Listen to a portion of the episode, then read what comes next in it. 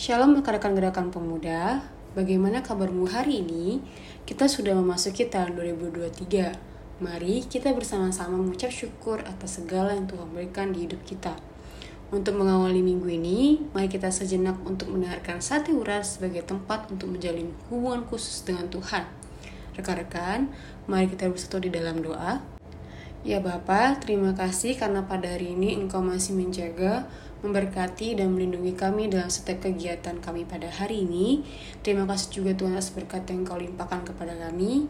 Tuhan, untuk segala hal yang Kau berikan, kami luangkan waktu kami untuk mendengarkan firman yang kami terima pada hari ini.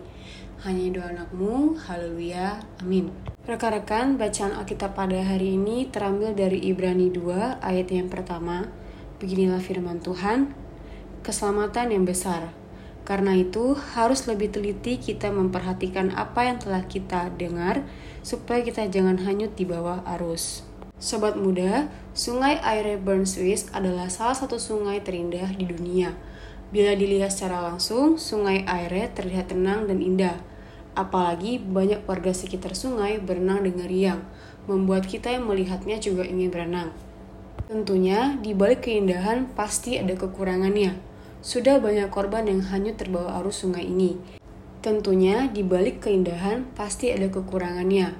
Sudah banyak korban yang hanyut terbawa arus sungai ini. Tentunya, sungai ini cukup berbahaya bagi para pendatang yang belum mengenal areanya. Bacaan hari ini berbicara tentang arus.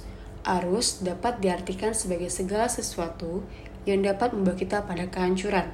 Sebagai kaum muda, kita tahu bahwa masa muda penuh dengan tantangan bahkan godaan. Sebagai anak Tuhan, melalui firman Tuhan hari ini, kita diminta untuk berhati-hati dalam menjalani hidup. Kita diajak untuk berhati-hati terhadap apa yang ditawarkan dunia, sebab tidak semua hal yang dianggap baik membangun iman. Gaya hidup modern seperti pergaulan bebas serta obat-obatan terlarang menjadi gaya hidup yang dianggap menarik padahal justru membawa kaum muda terseret arus dan menghancurkan masa depan. Pengajaran yang diberikan sejak kita masih kecil hendaknya tetap kita pelihara. Sebagaimana dinyatakan 2 Timotius 3 ayat 15, ingatlah juga bahwa dari kecil engkau sudah mengenal kitab suci yang dapat memberi hikmat kepadamu dan menuntun engkau kepada keselamatan iman kepada Kristus Yesus. Ketika kita tetap memperhatikan firman Tuhan, maka kita akan dimampukan memahami apa yang Tuhan kehendaki. Roh Kudus menolong kita setiap saat, menjaga perilaku kita agar senantiasa berkenan di hadapan Allah. Tuhan juga akan menjauhkan kita dari hal-hal yang membawa kehancuran dalam hidup kita.